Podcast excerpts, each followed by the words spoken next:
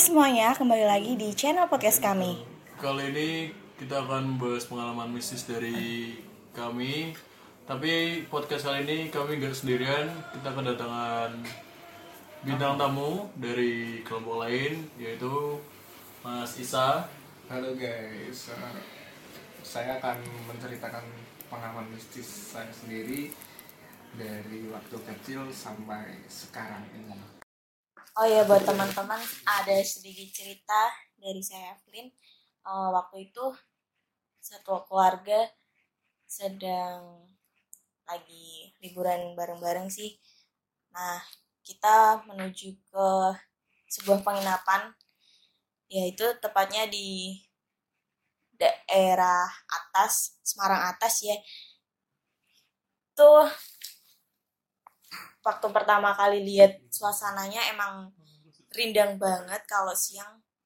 Apalagi kalau malam itu memang sunyi suasananya cocok buat keluarga.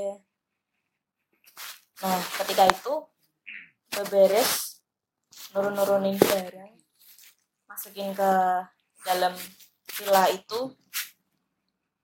Ketika itu aku lagi cek-cek toilet waktu jalan beberapa langkah di sebuah toilet itu belum ada seseorang yang masuk. Dan aku nggak tahu itu apa. Ada sa- satu eh, apa ya? Sekelibetan orang. Dia tuh pakai putih-putih dan aku nggak tahu itu apa. Dan aku penasaran akhirnya aku mencoba nengokin toilet itu. Dan airnya itu bunyi sendiri. Dan aku nggak tahu yang bunyi siapa nggak ada orang. Posisi itu warga itu lagi di luar. Saya sendiri masuk ke dalam rumah nengok-nengokin toilet. Pas saya buka pintunya air itu gak bersuara lagi entah kenapa atau mungkin kerannya bocor mungkin. Ya positif tingginya mungkin bapaknya lupa kalau itu. Ada yang nempatin kita udah booking dan airnya macet tiba-tiba.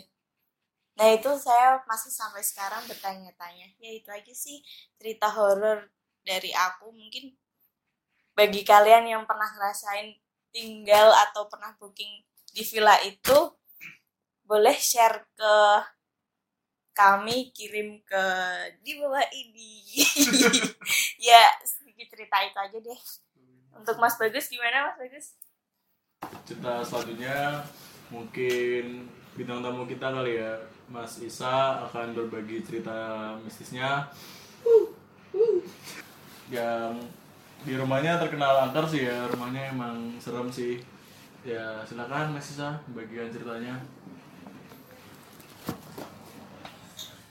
Halo, nama saya Isa Abdullah.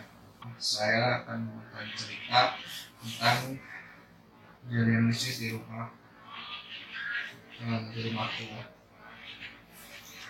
Jadi ketika sekitar jam 2 malam eh, aku lagi main HP udah bangun. Bangun. Terus main Instagram kita sepuluh menit sebelumnya kita tiba-tiba di sampai itu jeng jeng terus akhirnya kok anehnya lagi senarnya itu patah. Jadi tiba-tiba langsung patah sendiri itu kejadian mungkin oh, sekitar dua minggu yang lalu. Nah itu hampir sering banget di di kamar itu terus yang aneh lagi ketika aku berangkat kuliah di situ di depan kamarku itu ada ada itu ada guru lesnya ada mamaku. Nah itu tuh lagi ya lagi les sekitar jam 5 sore pas aku berangkat kuliah. Terus tiba-tiba dari dalam kamarku itu posisi itu tertutup. Terus tiba-tiba itu kayak ada yang apa ya eh, gerakin gegang pinggangnya sendiri posisi yang di depan kamar itu kan ada lihat ya kaget terus tanya sama mama. Loh, Isanya kok Isanya masih di kamar apa, atau gimana enggak kan udah berangkat kuliah nah yang belum siapa nah itu kejadian terus terus kayak gitu. Nah, nah ini absurdnya lagi. Yang paling paling serem itu di kamar tuh. Sama jadi pas aku kebenaran gitu kita ya, kalau ini paling jam masih setengah dua belasan jam dua belasan. Jadi di uh, aku bangun pas bangun tidur di atas lemari itu ada sosok yang bisa kita bilang kuntilanak sambil ketawa gitu. Saya liatin dari atas lemari mandangnya ya mandang ke mataku persis di atas itu. Dan ketawanya dengan kencang banget. Uh, mukaku arahnya terus kalau mau diceritain lebih banyak sih dari kecil juga banget cerita mistis mungkin nggak bisa cerita semuanya. Mungkin nanti kalau ada kesempatan lagi bisa datang di podcast ini untuk bercerita tentang mistis. Oke sekian. Mas bagus mau ada yang mau ditanyain lagi? Uh, terima kasih buat Mas Isa yang udah berbagi ceritanya kepada podcast kami. Uh, kalau bisa dibayangin sih seru banget ya lagi apa istilahnya kebangun gitu malam-malam ada yang apa ya gangguin gitu di atas lemari. Ya semoga kita agak kayak Mas Isa gitu ya.